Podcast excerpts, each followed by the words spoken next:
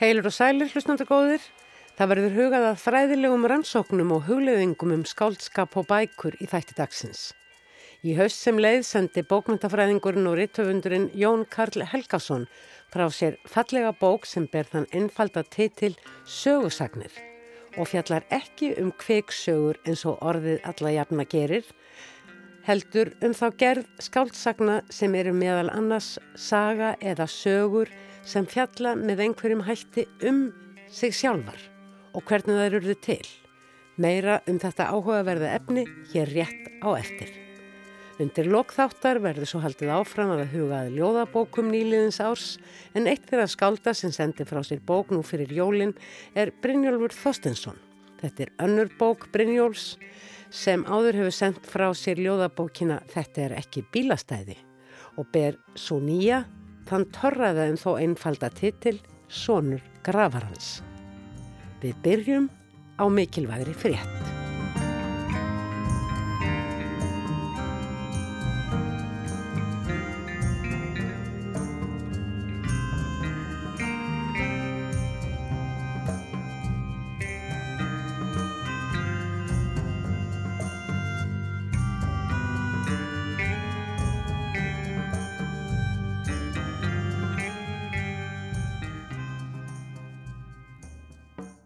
Á lögadaginn stóðu Síung, félag Íslenskra barna og lingabókmyndahöfunda, Ippi á Íslandi, félag Fáfólks á bókasöfnum og skóla og frístundasvið Reykjavíkuborgar fyrir álegri ráðstefnu um barna og lingabókmyndir.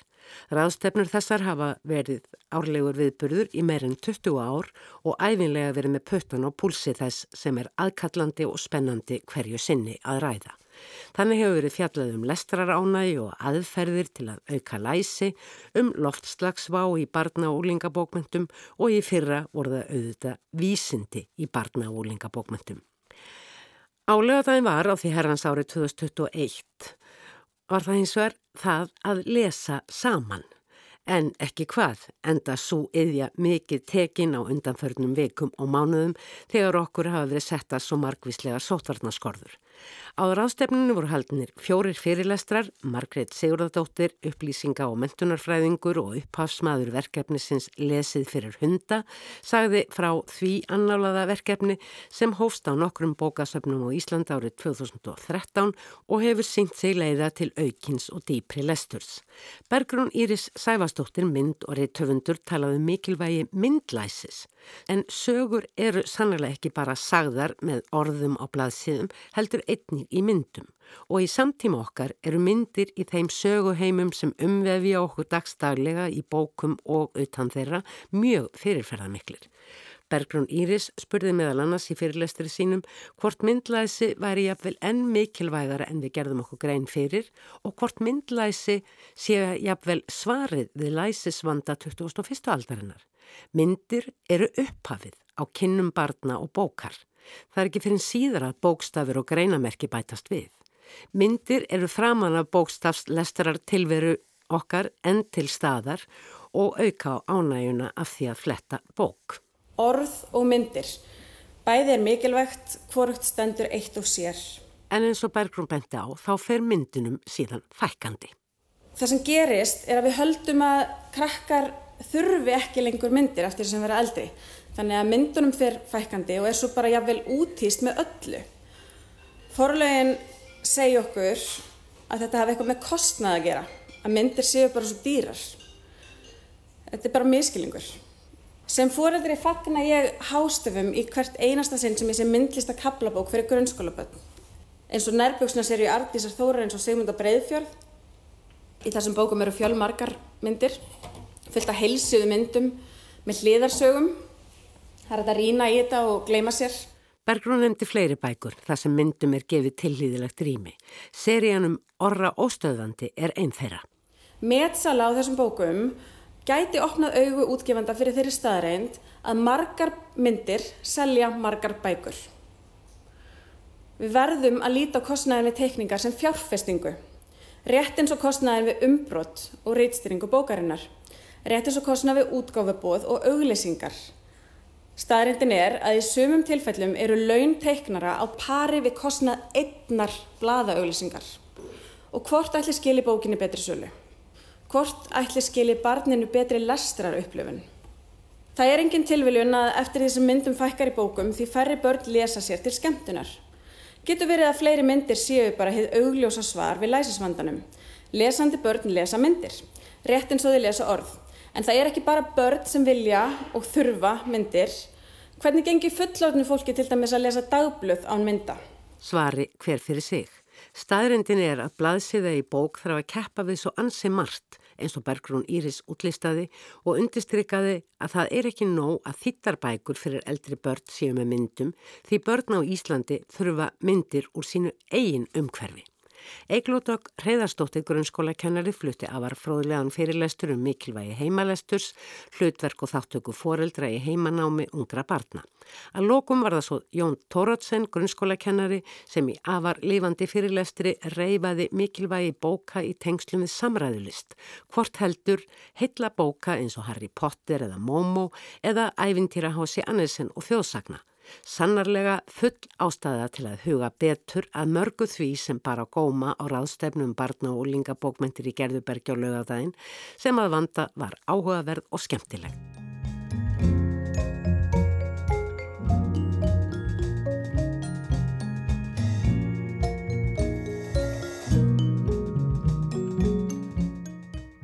Í bóksinni Sögusagnir dregur Jón Karl Helgason fram ymsar ef ekki beinilins ótal kenningar um eðli skálskapar og trikk höfunda við að búa til rönnuruleika úr tungumálinu, orðum og setningum sem við lesendur síðan sökkum okkur ofan í og vekja stundum alls kynns hugleðingar með okkur sem jáfnvel ekkert tengjast personum eða söguþræði viðkomandi bókar.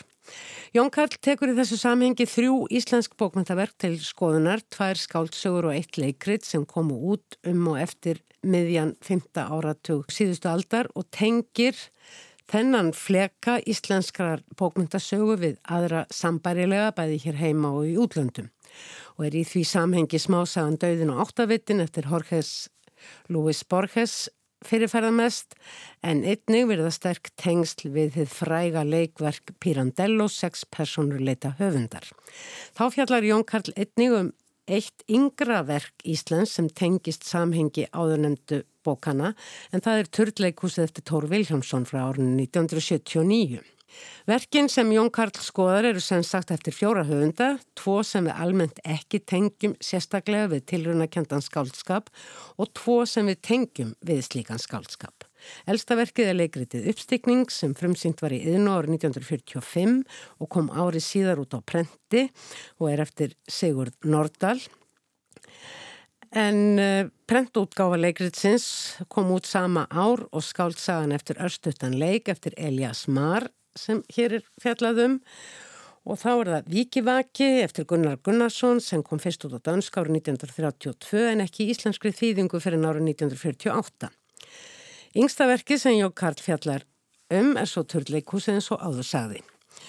Þeir Gunnar Gunnarsson og Sigurður Nordal teljast almennt freka til þeirra höfunda sem grófu grunn og reistu undirstöður sem höfundar um og eftir miðja öldina síðan reistu sín framhústefnulegu verk á.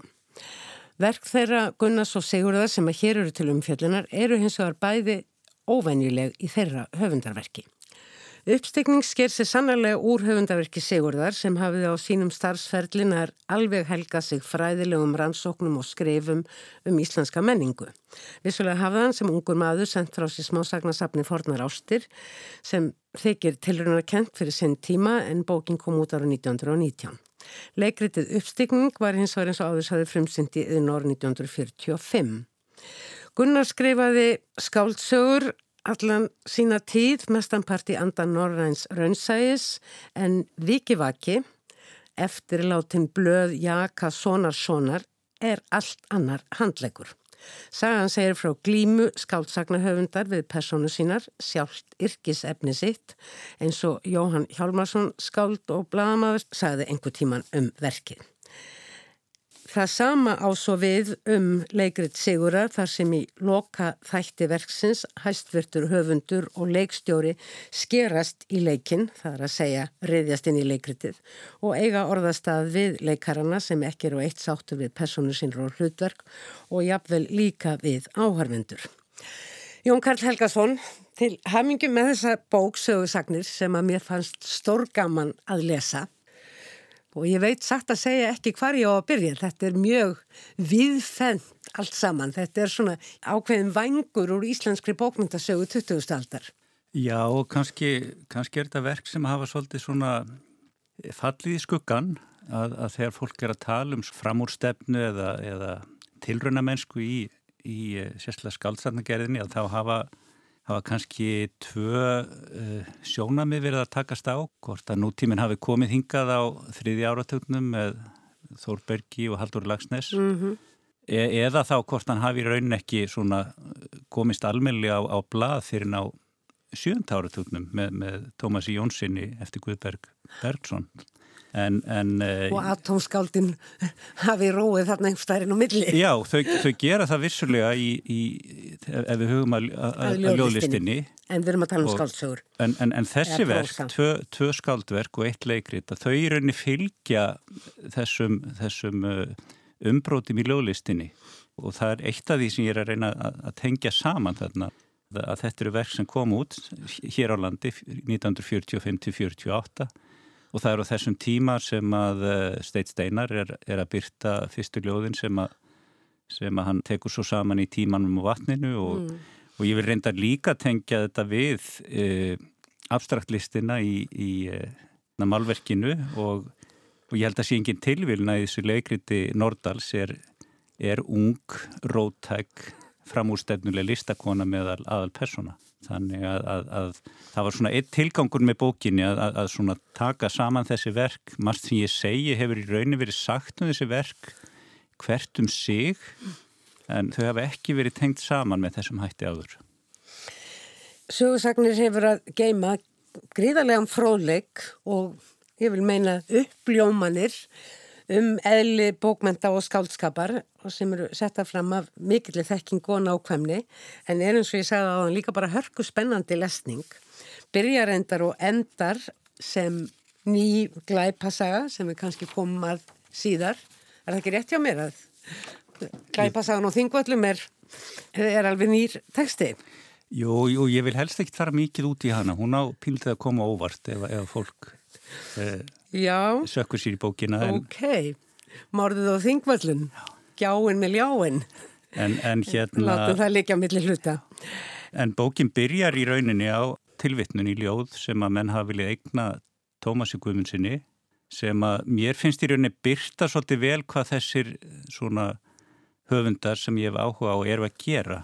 Og það er svo hljóðandi Hárin mér á höfðir Ísa er hugsa ég um kærleik þinn Þetta er annars ágætt vísa engum setniparturinn. Sem sagt, þetta er í anda þeirra svona kenninga sem að þú ert að reyfa og setja þessi verk sem við nefndum í samhengi við. Nefnilega að uh, bókmentir eru að fjalla um sig sjálfar. Skáldverkið er að fjalla um hvernig það eigi að koma sínum skáldskap á framfæri hvernig sagan hegða sér, jafnvel að kommentera á personurnar, já, jafnvel að gaggrína. Já, já og, og, og höfundin líka og það kannski, það er ótt, ég lend oft í vandrað, vandraðum því að reyna að lýsa því hvað, hvað ásýr staði þessum verkum en það, það er oft gott að ræða þetta út frá myndlist. Já, ég var einmitt að hugsa um það því að Við, við veitum svo sem öll sko hvað, hvað sjálfsmynd málara er en ég ræði þarna tölvert verk sem að er, er svona komið til ára sinna, það er, það er frækt verk eftir Velasquez sem að heitir Hidmeðarnar, Las Meninas og er svona dáltil áhald um hvort fjallið um Hidmeðarnar eða um verkið sjálft. Já, einlega til að líta það verk er, er að þetta sé sjálfsmynd, þar sem við sjáum málaran, hann, hann stendur við tröndna sínar horfir Rísa stóran strega sem við sjáum bara bakliðin á, Já, já. sjáum ekki hvað hann er að mála en hann mundar pensilin, eitthvað er hann að mála. Já, hann er í rauninni kannski að mála áhrufandan þar að segja, við, við stöndum það sem að viðfánsefnið hans mögulega er. Og ef við skoðum myndina vel að þá er aftast í þessu stóra rými þar sem hann stendur, það er reyndar fullt af málverkum og vekkjörnum að, þar er vantanlega speill mm og í þeim spekli hafa menn talið sig bera kennsla á, á spænsku konungssjónin og þau sé í rauninni það sem hann er að mála en verkið er mjög, mjög flókið og, og, og byrtir svolítið í rauninni þetta flókna ferli sem á sér stað þegar, að, þegar að málari tekur upp pensil og, og allar að mála eitthvað og, og það er kannski það sama sem að Gunnar og Elias og, og hérna Sigur Nordal er að gera að einhverju marki þar að segja e, segja einhverju sögu en um leið í rauninni e, að varpa ljós á það hvað, hvað á sér stað þegar þú reynir að segja sögu og hver er stað höfundarins og personun og svo framvegis. og svo í síðasta kapla bókarinn þar sem þú fjallar um törleikúsið að, að þar reynd sprengir eh, hérna, tekstin skáldskapurinn af sér öll form og, fer sko bara geist í mikið, mikið spekla og rángala og völundarhúsparti.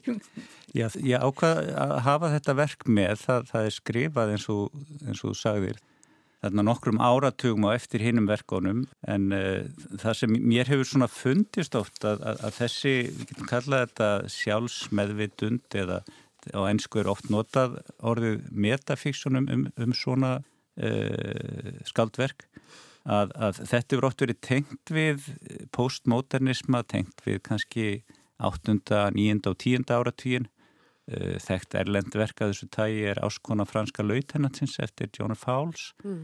uh, við getum líka nefnt Ef og vetrar nóttu ferðalangur eftir Calvino sem er, er komið út á íslensku fyrir bara örfáum árum. Og, og, og kannski getum við sagt að Tór sé að skrifa sitt verk á þessum tíma sem að svona menn hafa yfirleitt tengt við þessar tilraunir. En það kom mér í rauninu óvart að, að, að þetta væri í gangi hér á landi í kringum 1945 Og í heimsbókmentunum jafnvel líka bara miklu fyrr og Já, kannski já. má finna, finna eitthvað áþekkt í Íslendingasögunum með græntir að gáð. Já, menn hafa svo sem bent á það að, að þessi svona, þessi sjálfsvitund eða þessi sjálfskoðun að hún kannski hefur fyllt bókmentunum frá upphafi og margt af því sem Helga Kress hefur fjallaði varandi Íslandingasögunar það, það dregur fram þessa þætti eh, annar fræðimaður Lorenz de Luz hefur, hefur verið að skoða eh, skáldasögurnar, það er að segja eiglu og, og, og fleiri sögur þar sem að skáld er í, í, í brennidepli.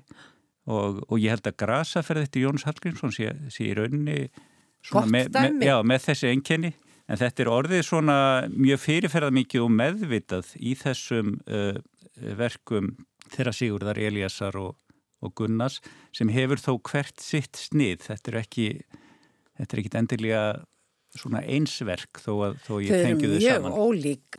en, en þau eiga þetta sameigilegt að höfundurinn er svolítið í öllum tilvíkum að horfa yfir öxlin á sjálfum sér og opinbera fyrir okkur lesendum að það sé að verða til bók. já, e- eða, eða leikrit Já, eða leikrit. Og það sem er mjög, sko, í rauninni þá gengur leikrit eh, Nordals best upp í þessar formúlur sem fræðimenn hafa búið til varðandi þessi verk. Og, og það er eins og þú segir að þar eru kannski átökin að hluta til um það að, að aðalpersonan er ákvæmlega ósátt við það hvernig hlutverk hennar er skrifuð. Mm. og þegar maður segir aðalpersona þá er það svolítið óljós hvort að það sé leikarin eða personan sjálf Personan í leikritinu, Og- Helgi eða leikarinn sem leikur Helga. og, og, og lendir bara í, í stælum, sérstaklega við höfundin en, en, en líka leikústjóran og, og við gjarnan fá að vera aðeins meiri garpur en hann er. Og þetta leikrit vakti jú mikla aðtegli þegar það var hér á fjölum 1945.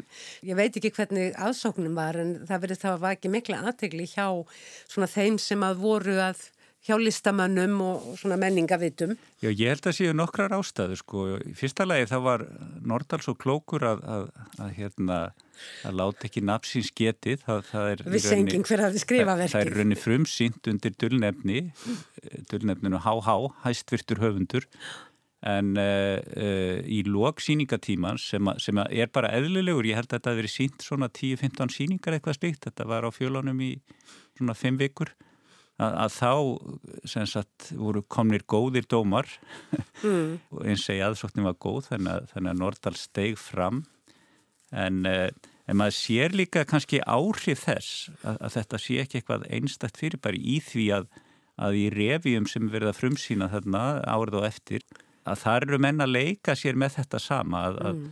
að þar er í rauninni jafnvel personur öðrum skaldverkum bara eftir Jón Tórótsen að stíga upp á svið og, og eiga þá ekki heima þar en, en allt þetta í raunni ratar strax, strax á Íslands leiksvið á þriði áratögnum þegar að þetta leikrit Pirandellos er sínt hérna. Svo kemur hann líka við sögu hérna, valdir leikritið hérna Já, bærin okkar, Þornton Valdir er, er að gera svipaðar tilrönnir, kannski út frá öðrum fossendum, hann er kannski vex úr þeirri átt sem að svona, við vilja tengja við, við brekt og framandgerfingu.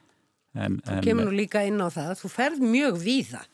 Já, þó er, þó er þetta bara, bara fjögur skaldverk, sko, þannig að ég var lengi að grubli þeim. Já, þessi bók, þú segir jú eftirmála, sko, hún byggi á greinum sem þú skrifaðir á hvað, frá 2006 til 16 eða eitthvað, tí, einhverju tíu ára tímabili. Já, og það sem kannski vafði svolítið fyrir mér var hvar, hvar ég ætti að hætta. Ég hafði nú svona uppalið áhuga að fjallum fleiri verk og þegar ég laði stað með þetta þá held ég í raunin að ég er það fjalla um, um svona hvernig þetta fyrir að byrtast hér kannski á 8. 7. og 8. áratögnum við Við þekkjum þessi enginni í verkum eins og sagan öll eftir Pétur Gunnarsson mm. eða setni blíðfinnsbókonum eftir Þorvald Þorstensson. Vigdi Skrimsdóttir er annar höfundur sem hefur haft þetta svona svolítið í, í fanginu og, mm. og núna síðast kannski bara við getum nefnt undantekningun eitt rauðu öfu sem Já. hefur þessi enginni svolítið. En, en í rauninni svona sá ég svona þegar að frálega þetta væri kannski bara eh, alveg nóg og, og, og þessi verk líka svona kannski eru til þess fallin að gefa okkur píldi nýja sín á bókmentasögun að, að uh, þessi ártölu sem menn hafa verið að velta fyrir sem komu hérna, uh, nútímans í íslenskar Já. bókmentir að, að ég held að nútíminn sé alltaf með okkur og, og höfundar eru alltaf að kallast á við það sem mm. á sér stað ælendis Já, maður verður samt einhvern veginn alltaf aldrei hissa sko hvaða er langt síðan nútíminn byrjaði í rauninni bæði hér og, og í útlöndum En það sem ég finnst uh, skemmtilegt við þessa bók, hún er svo alþýðleg í rauninni. Hvaða lesanda hugsað þú að þessari bók? Þú ert nýju búin að skrifa fyrir kollegaðina fræðimennina um þetta í virt tímaritt og þú gerir þetta, ég verð að segja, mjög vel. Þú tekur upp þræði, þú til dæmis þegar þú ert að að tala um törleikúsið og af sjálfu leiðir uh, þetta fenomen, þetta fyrirbæri völundarhús í bókmentunum sem uh, er nú uh, víða til staðar. Og fræðimenn hafa greint í margvíslegar gerðir völundarhúsa og eitt, einn þeirra skáldsagna sem er með mikið völundarhús er nabrósarinnar og þar gefur þér alveg tíma til að endur segja þá sögu svona í grófum dráttum sem að það er mjög langt síðan ég las þessa bók og það var mér mikil fengur að renna svona í, í gegnum hana í staðin fyrir að fara upp í bókahilluna og í hana og fara hvernig var þetta og hvernig var hitt og eins er með kenningarnar þegar þú, eh, þetta eru ofbosla mikið að nöfnum og þetta eru svona núansar uh, í hinnum ymsu kenningum, hvernig hinnir ólíku fræðimenn kjósa að skilgreina hlutina og svo framvegs, að þú gefur þér alveg tíma til að útlista aftur í stuttumáli eða vísa til og svo framvegs. Þetta lítur nú að hafa verið aldrei mikið svona púsl og þú lítur að hafa verið að hugsa um svona aldrei breiðan hóp lesenda.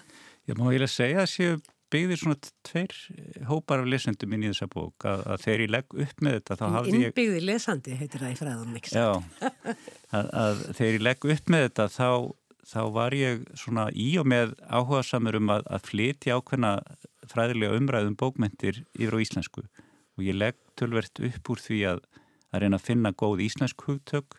Sögursagnir Sögursagnir er, er eitt af þeim. Annað, annað hugtök sem að síðan nota er sjálflýsandi bókmyndir en bæði þessu hugtök hafðu verið í umræðinni Helga Kress og, og Herman Stefánsson er, er í raunin á bakvið þessar mm. þýðingar. En, uh, en það má segja kannski svona fyrir þá sem eru svona fræðilega þengjandi að, að þá er svona þarna stór upphafskabli má segja það sem ég fer í hugtökin en uh, ég hef líka bara áhuga á að tala til þeirra sem, sem hafa þessa reynslu af bókmentum sem að, sem að ég held að hafi svona kveikt svolítið í sjálfu mér eiginlega bara frá því var strákur. Þetta er náttúrulega svolítið galdur að, að það sé hægt að setjast niður og skrifa orð á blad og, og þegar við förum að lesa þá, þá einhvern veginn trúum við á orðin og veruleikan og erum bara stödd inn í, við getum sagt, heimi bókarinnar. Allt árum tíma með fólki sem við þekkjum ekki neitt og svo framvegis, en og, þekkjum samt. Og, og það er ekkur galdur í þessum, þessum sögusögnum eða við getum sagt þessari fagufræði sem þessir höfundar eru að nota og, mm. og ég, ég held nú að flestir hafi sko kannist við þessa, þetta er næstum eins og verði svona eitthvað skamlaup í haustum á manni. Það, það er þekkt barnakvæði hérna, það var einu sinni strákur sem átti lítinn bíl og kennslukonan sagði honum að skrifum bílinn stíl. Eh, hann þorði ekki að hika, hann held hún eða reið og settist við og samtið þá sögu á þessa leið. Það var einu, einu sinni strákur að, að þarna er komin svona lúpa, svona ja. ringur sem mun aldrei enda og, og það, það eru kannski svona við getum sagt gestaþrautir eða, eða svona völundarhús Saga sem, um sögu, um sögu, um sögu já, já. Þetta sem, að, sem er ju eina af þessum já, kenningum sem tengjast ekki síst speklunum og, og, og þetta, sko við finnum þetta með einum eða öðrum hætti í, í mjög mörgum bókum, mörgum skaldverkum þannig að þetta var svona kannski það sem dreif mig áfram persónlega að, mm. að skoða þetta og eins segi, þetta er í myndlist, þetta er í, þetta er í uh, tónlist líka. Mm.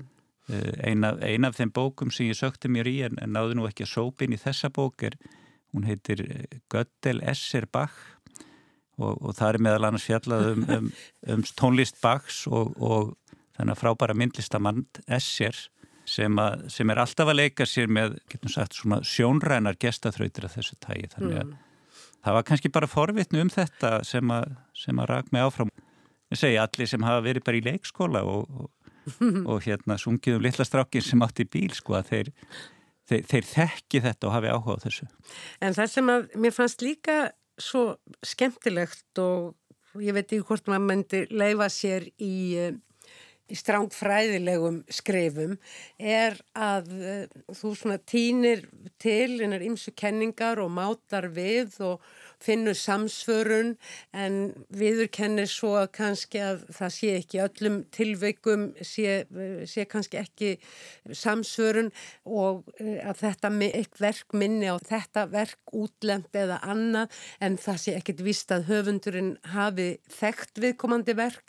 Kannski hefur hann þekkt að kannski ekki en það skiptir ekki máli heldur að þetta séu í rauninni út svona svolítið að pekka út alla þessar aðferðir sem að ská skáldskapurinn er, býður upp á.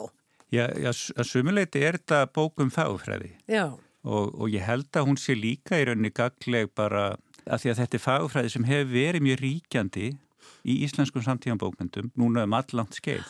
Ég, ég nefndi á þann höfunda eins og Guðberg og, og hérna Pétur Gunnarsson eða Við getum nefnt líka Ólaf Jóhann sem skrifar eitt svona verk sem heitir Reyðrið sem fáir þekkja sem kom út á 8. áratögnum. Ólaf Jóhann Sigursson. Já, eh, en bara margir af þeim höfundum sem að svona hafa verið að, að hérna, fá íslensku bókmentavelun jábel, þeir eru að leika sér með ímislegt að þessu uh, Ófegur Sigursson í öðræfum uh, Bræi Ólafsson sem að verður nú sífælt djarver með hverju verki uh, Stefán Máni meiri segja hann, hann skrifa verk fyrir nokkrum árum sem er mjög ólíkt hans spennusögum, það heiti Túristi mm. fjallar um, um íslenskt bókmentalíf en en er líka svona svolítið í anda uh, verksins eftir Calvino sem ég nefndi á það þannig að hérna uh, og mér finnst ekki skipta aðalmáli sko við getum sagt hvort að, hvort að Nordal hafi leigið í Pirandello eða ekki. Ég, ég var strendar ekki um hann hafi þekktan en, en, en ég vildi draga fram þetta erlenda samhengi mm. af því að það, það er alltaf virt Það og... er sérstaklega stert í Um, í leikhúsinu held ég á, þannig á fyrirluta 2000 aldar. En, en við sjáum þetta líka hjá Gunnar í Gunnarsinni sem að hann nefnir tvo höfunda, hann nefnir uh, uh, Háki Wells og Huxley. Og, og er svona eiginlega blikka til þeirra. Hann reyndar að segir að ég vildi ekki að þið skrifa verk eins og þeir skrifa en Viki var ekki svo ólíkur. En, en svo þegar maður fer að, að grubla til dæmis í Huxley að hann skrifar uh, verk sem heitir Point, Counterpoint sem að, sem að er uh, mjög í anda Pirandellos og sömuleiti líkt Víkivaka og það er engin vafa að Gunnar þekkti það verk og, og, og læriði vantarlega af því. Já og þú leikur þér aðeins að því að að benda á að vikivaki og kontrapunktur séu nú svona hugtök af sama meði já, já, og sama þægi. En ég vona líka sko að, að kannski bókin verði til þess að, að, að það stýi fleiri fram og, og afsani það sem ég er að reyna að segja. Það er að segja, ég, ég, ég er svolítið að reyna að staðsetja þessa svona, við getum sagt, þessi umbrot, er ekki rétt að nota það orð núna, uh, við, hræringar, hræringar uh, við hérna uh, lokstríðsins en, en, en væntanlega geta glöggir lesendur fundið þetta í fleiri og eldri verkum. Mm. Ég, ég skoðaði þetta sérstaklega í, í veður mikla frá Kasmír, mér, mér fannst hún eiginlega ekki ekki, ekki, ekki náð því. En, en en hún, eh, hún er samt mörguleiti fyrirmynd fyrir þetta verk eftir Elias Marr, eftir Östutan Leik. Ásta Kristín Bendistóttir hefur verið að draga það fram núna í greinum sem hafa verið að byrtast og, og ég held eins segja að það séu fleiri höfundar þarna sem að kannski hafa, hafa stokkið á þennan vagn á sínu tíma. Mm. en, en ég held hins vegar sko ég, ég held að flestir íttöfundar sem, sem skrifa svolítið að ráði að þeir, þeir skrifa sko eitt verk í þessum anda. Og, og það er svona hluta því sem ég, ég, ég er svolítið að gæla við að, að, að finna þetta verk í já, nei, í rauninni að, að tengja við æfi við komum til höfundar. Já, ég ætla að fara að minnast á það, það sem ég fannst líka gera þessa bók svo læsilega er að þú tengir þessi verk við samfélagið á þenn tíma sem bókin verður til og personlegt líf höfundar jafnvel Já, það, það er kannski svona eitthvað sem, að, sem ég hef nú ekki mikið séð í alþjóðleiru umræðu um þessar sögursagnir og sjálflýsandi bókmyndir en, en bara ef við, ef við rifjum upp þetta verk eftir velas hvers að, mm. að, að það er í grunninn sjálfsmynd en mjög flókin sjálfsmynd og, og, og, og það er svona... Mynd af málaranum við, við yðjusína og yðjan í rauninni líka starfsumhverfi hans uh, og intakverka hans. Já, og, og það er svona mín tesa með, með að minnstakosti þessi verk eftir, eftir Nordal Gunnar og, og Elias. Það er svolítið erfiðar að, að þást við Tóri í því sambandi. Ég fekk nú leiði til að skoða dagbækurnar hans og, og hérna stílabækurnar hans hjá, hjá Guðmund Andra sínans en, en uh, ég verði við kynna að ég átti nú bara, ég, ég stoppaði bara því að það er svo erfitt að lesa skriftinans En úr því þú varst að krifja þetta svona til uh, merkjar þessa tegundir sagna að þá greinlega gast ekki hamið þig að prófa að beita þessum verkfærum? Nei, sko það Ef sko, við getum talað aðeins utan að því. Nei, ég, í rauninni það sem kannski frestaði svolítið útgáðu þessar bókar var, voru erfileikar við að skrifa engang og uh, ég veldi lengi fyrir mér hvort hann ætti að vera svona sjálfsmeðvitaður kæri lesandi, þú ert að byrja að lesa bók eftir Jón Kall Helgarsson, þannig hefði Calvín og byrjað, en það sem enginni mörgað þessum verkum er að, að, að þau eru skaldverk, en þau eru að einhverju marki líka rít um fagurfræði. Þau, þau eru einhverju leiti bókmyndafræðili rít og, og þessna vildi ég eiginlega svona Skáldverkin sjálf. Já, og ég vildi eiginlega bara svona sem bóndafræðingur hefna mín svolítið og, og, og byrja þetta fræðiritt svona, svona svolítið eins og ég væri lélegur spennusvætnahöndur En eins og ég segi, Jón Karl uh, þetta er hérna svo er þetta svo falleg bók og hérna kápan falleg mér skilst að dóttirinn hafi hann að útlitið á henni. Já, það stendur heima. Kápumyndin heitir eh, hérna, Fjallamjólk sem að... Samanbjörn Málverk Kervals. Já, en lesandin þarf svona að lesa sér í gegnum verkið til að sjá tengslinn þar á milli. Þetta eru allt tálsýnir og speklanir.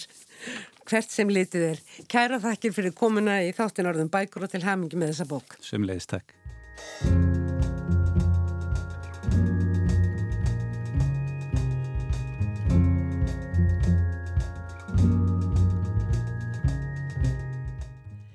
Sónur Gravarans, Draugabók, er ljóðabók með dramatis persóna eftir Brynjólf Þorstensson sem fyrir tveimur árum sendi frá sér ljóðabókina Þetta er ekki bílastæði en um hana var sagt að hún væri óður til ímyndunarapsins, fjörugur óður meira að segja. Sónur Gravarans er um allt ólík þeim ljóðabókum ársins 2020 sem var jú einstaklega gjöfult fyrstu bókar ár og almennt gott ljóða ár og margar þeirra bóka hefur verið fjallað á þessum vettvangi og þær eru margar hverjar mjög sjálfsæfisögulegar. Sónur Gravarans sem að kannski segir titillin eitthvað um það að þetta sé sjálfsæfisögulegt. Mér minnir að þú hafi sagt Brynjólfur að fadriðin hafi verið gravari. Já, hann er, hann er gravari. Eða er, sko, sé það. En þetta er nú samt ekki sjálfsæfisöguleg bók að ég held. Nei, hún er það ekki sko, sem betur fyrr, hugsaði, mm. Þetta er nefnilega einhvers konar konseptbók, hugsaði ég, þegar ég fór að lesa hana almennilega svona frá upphafi til enda og blada fram og aftur í henni.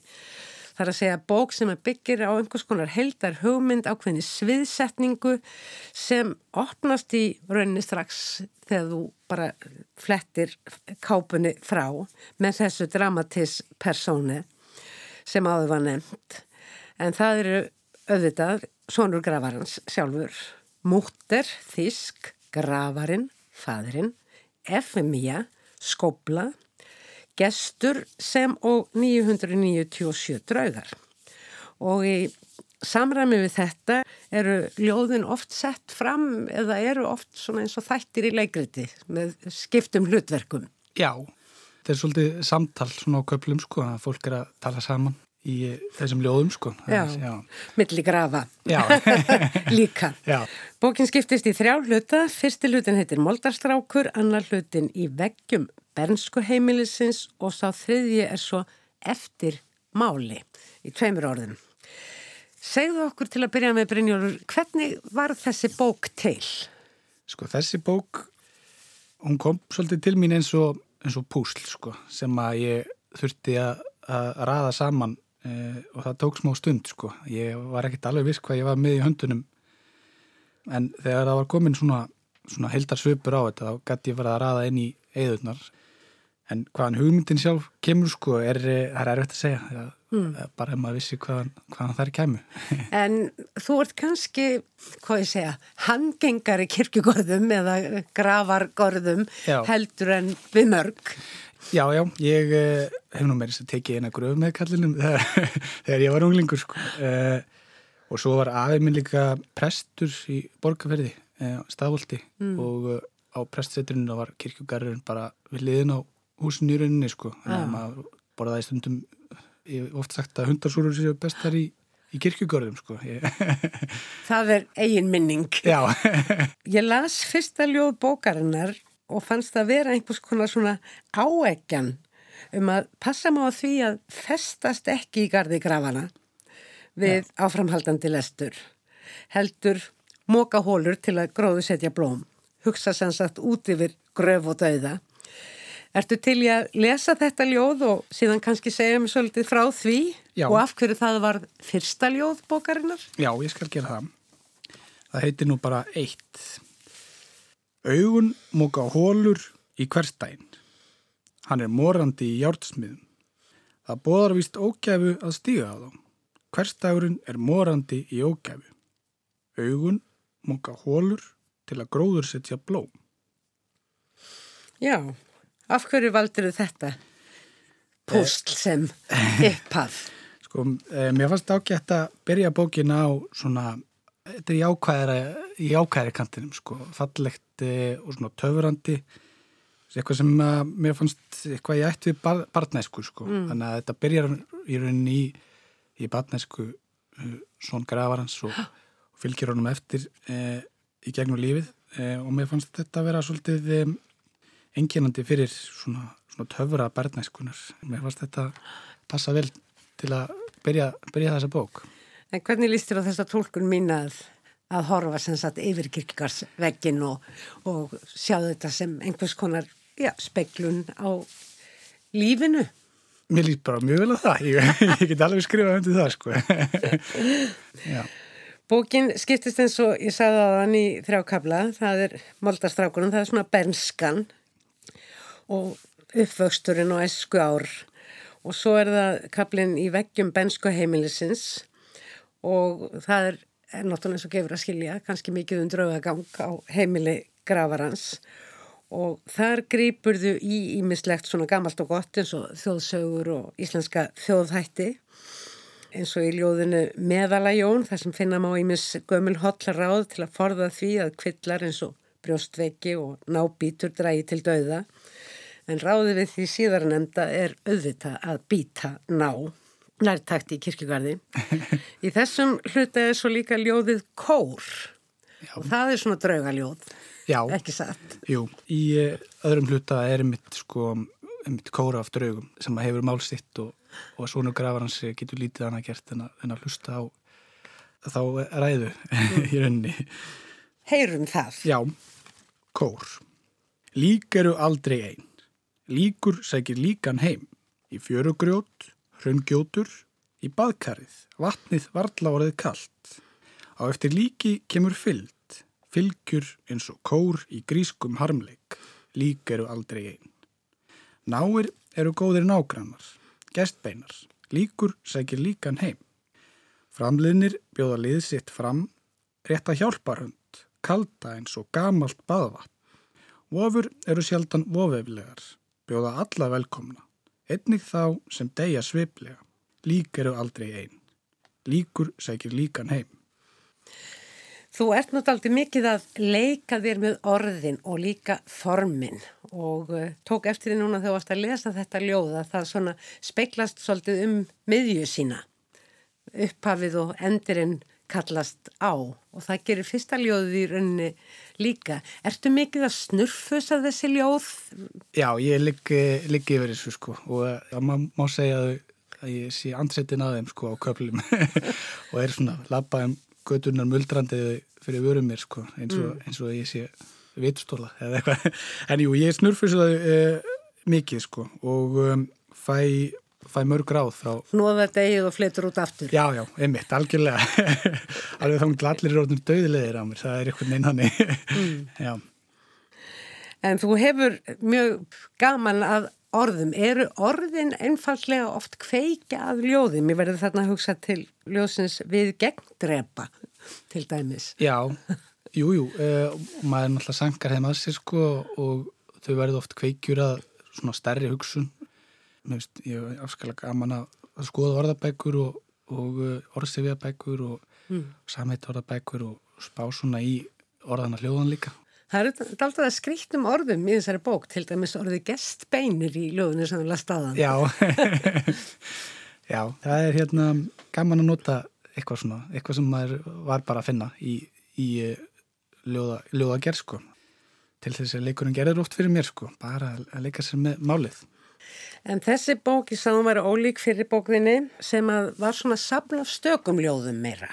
Já þó að það snýrist svona daldið um bara nútíman og umhverf okkar hér eins og titilbókarina gefur til kynna. Já. Þetta er ekki bílastæði. Einmitt. Eh, þessi er meira svona heldar saga og uh, þetta eru fyrstu bækur þínar, ertu farin að fara þetta þig yfir í sögurnar eða? Já, ég eh, er að gera það svona hægt og rólega. Mér langaði eftir, eftir bílastæðið að prófa að búa til svona narratív tífskar ljóðabók sko, sem mm. væri bara með, með heilir sögu. Það er nú líka fyrir svona, mjög vinnselt í dag held ég Jú, sko. Jú, það er mikið tekið. En það var mér ekkert endilega eðlislegt sko. Ég skrifa ljóð yfirlegt stök og eitthvað mm. svona sem er dettur í hug.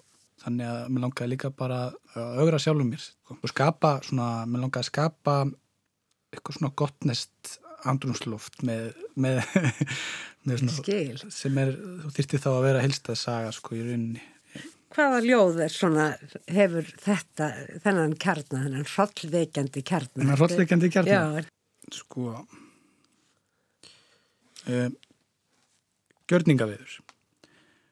Öfukúpur. Kertastjakar koma sér vel þegar rafmagnið fer. Brjóstkassar. Matardiskar undir romantíska kvöldmáltíð. Lærleikir.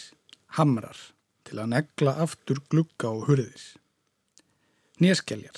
Það er gott að súpa vín um haust. Fótabein. Við skulum ekki gera flautur úr þeim. Það kýtlar svo og vindurinn úti nægir í kvöld. Veðrið er raut. Setjumst að snæðingi. Manstu hvernig þetta ljóð var til? Vildur setja hvort gegn öðru eitthvað draugalegt og eitthvað eins og romantískan kvöldverð? Já, já, ég hérna, mér langaði bara kannski persónulega í uh, kertastjakar sem var úr hauskúpu, þannig að ég, þannig ég ákvaði að búa til ljóð. Svona logandi spritkerti í hauskúpunni. Þetta kom tímin í einhverju óðarinu, sko í appisnugulir í viðvörun eða rauðir í viðvörun eða eitthvað líka og uh, það er fyrst með viðandis fyrstsetning fyrir sýllingskvöldverð mm. Svona gnauð gnauð og einhvers vegar en vera samt í skjóli. Já, algjörlega. Eh, Mér langar líka til þess að heyra áður en við segjum skili við þennan miðkabla eða kannski vættum aðeins að spjalla um þjóðsögur og, og íslenska þjóðhætti. Lástu í þeim á einhverju tímabili æfiðinar eða sérstaklega fyrir þessa bók? Eh, Kanski sérstaklega fyrir þessa bók sko og ég er nú meiri glukkari sko en, en eh, við hefum alltaf mikla draugarsögu hefð sko þannig að mér fannst gaman að vinna með það og alltaf mjög mikil draugatrú hérna áður fyrir og mm. kannski ennþá sem að mér finnst ekkert skrítið endilega í skamteginu, ég er nú myrkvæli maður sjálfur sko. En hvað er þetta með leikritið sem að þú ert með hérna? Þetta dramatisk persóna og, og, og að setja þetta svona upp í rauninni sem uh, persónasögu? E, já, sko, ég þurfti bara einhvern veginn að útskýra sko að því að nú eru bækur yfirleitt, ljóðabækur yfirleitt með einum ljóðmæland. Og það er ekkert vesen upp á það að gera. En það eru hansi margi ljóðmælandur hérna í þessari bók sem að mér fannst bara þýrt að gera skil á í, á fyrstu síður sko. Mm. en svo var það líka bara stemming fannst mér sko. Og ég seti þetta upp eins og leikrit á köplum því að um, fannst því að ég þurfti að hraða bókina eins sko. Og Það er svona einhverja rinjandi í hana Rinjandi sko. Um, og svo finnst mér það líka bara svo dásamlegt leiksviðið það er ákveðin dramatík í því sko skaman að leika með með það. Þú ert þarna uh, með hana Efemíu sem er skóplan Já. og uh, hún er persona og uh, ef við vindum okkur að síðasta hlutanum eftir mál Já. þar rofnar einhvern veginn þessi ringur sem þú ert aldrei að vinna með í gegnum bókin og því að uh, því ef Efemíu sem er skópla er döið hver á þá að grafa svon gravarans Já Það er nú langstisti hluti bókarinnar en það er, eru endalokkin yfirleitt fyrir eitthvað stutt, mm. eða ekki eh, og, og koma þarna eftir hennan mikla, mikla draugagang í, mm. í miðjuldanum sko þannig að sem að svona grafans svona eiginlega gefst upp fyrir, fyrir þessum handan öflum sko. Þú eru oft gaman að því að yrkja þennan miðluta, stöðu tvengi nýjar hugmyndir hefur maður á tilfinningunni. Já, já, við þurftum nú bara að, að passa mig sko. Ég, ég þurfti að að stýttu það, þann hluta þalsvert sko. Og eh, en jú, það er gaman að skrifa draugaljóð sko. Það er eh, þegar þau voru skrifið var svona ákveðin stemming í þjóðfélaginu. Það var COVID og mm. mikið COVID. Meir en núna þannig að maður var svona svolítið uggandi það var mm. ákveðt að leita til, til draugana Ég rek hérna akkurat núna augun í hérna ljóðið Söðlasmiður sem að við fannst alltaf skondið og, og tengirst inn í bara lífið sjálft eins og við töluðum um í upphafi þetta er ekkit bók bara um uh, grafir og dauða og drauga. Þetta er samtíma ljóðabók. Já, já, algjörlega. Söðlasmiðurinn. Lærðu söðlasmiði. Eftirspurnin er mikil að handan. Söðlar á hús svo draugar geti farið á bakk og riðið út, þar til sólinn kemur upp og svitin bógar af þeim. Móður draugar, sliguð hús, móða í glukkum sligaðara húsa, lærðu söðulasmiði, svo komist í álnir að handan. Að fara inn í heim draugana, það gefur ákveði frelsi Já, frá raunveruleikana. Það gerir þannig blá og var svolítið sem ég leitaði í eh, eftir bílastæði, það, það var oft eh, svona hinn kjartfasti veruleiki sem að, sem að trublaði mig helst í, í skrifin sko. Og svo eru ljóð líka bara fyrir eitthvað draugarlega skeppnir fyrst mér. Það er svona komað frá óraðum stað og ásækja mann oft uh, ílskilnileg. Þannig að mér fannst gott að, að, að setjast niður og skrifa draugarljóð, einmitt. Hvaðan kemur þú að ljóðinu, Brynjólfur Þorstinsson? Hefur alltaf verið að yrkja? Var mikið orð á þínu heimili? Uh, nei, bara akkurat ekki neitt, hugsa ég. nei, ég hérna, ég byrjaði mjög sent, sko. Uh, í rauninni, ég tók þátt í hérna, ljósta á Jónsúgur uh, og það var bara eiginlega fyrsta ljóði sem ég skrifaði. Og vann þá kjærni og var kallaði skáld í helstu fjölmjölum e, eftir það, þannig að ég sá mér bara til nettan til þess að, halda þess áfram. Uh, já, þannig að ég hef nú ekkert mikið spá, var ekkert mikið búin að spá í, í þessu alltinu fyrir þetta, ég fekk þetta bara í hausinni eins og þrömu sko og vendilega búin að, já, og var kannski með að uppsapnaða eitthvað ljóð orku mm. yfir, yfir hægana þannig að ja. þess að gef ég út tvær bækur hérna með stuttu millibili það er kannski bara Ertu fljótur að yrkja? Koma hugmyndið þar sæmilega rætt til þín? Hugmyndin að koma sæmilega rætt sko en svo liggi yfir þessu svolítið og, en þetta er yfirleitt eitthvað ástand eða tímabill eh, sem að, sem að þetta kemur á, á fullu sko en svo kemur ekki neitt í, í marga mánuði sko þannig að, mm. já Ertu konan þann stað að þú færið áhyggjur? Til að vera svona lang millibils tímabill? Já, svolítið sko en ég er líka ákvað eftir, eftir eh, þessa bók að taka mig smá svona ná aðeins andanum og er að huga bara prósanum þessu dagana sko, er að vinna í skáldsöðu mm. eh, en er nú komið með talsversta ljóðum í, í skjál sko, en ég ætla að leifa því að, að vera þar í svolítið stundi viðbútt mm. En Jónur Vör hefur sem sagt ítt við þér þannig að þú hrögst yfir á þessa rás. Já, algjörlega. Hann gerði það. Og það var, eh, komir líka, já, komir talsfyrst óvart að, að, að sigra þá keppni, ég ætla nú kannski bara, ég var nú bara að taka þátt upp á upp á stemninguna, sko, ég bý hérna í Kópúi, ég er rétt hjá bókarsafninu, sko, þannig að ég var stutt að fara. Einmitt Veld okkur eitt ljóð að lokum að lesa. Já. Um, Við draugarnir. Lífaldur drauga er 120 ár. Nægur tími til að gera ímislegt.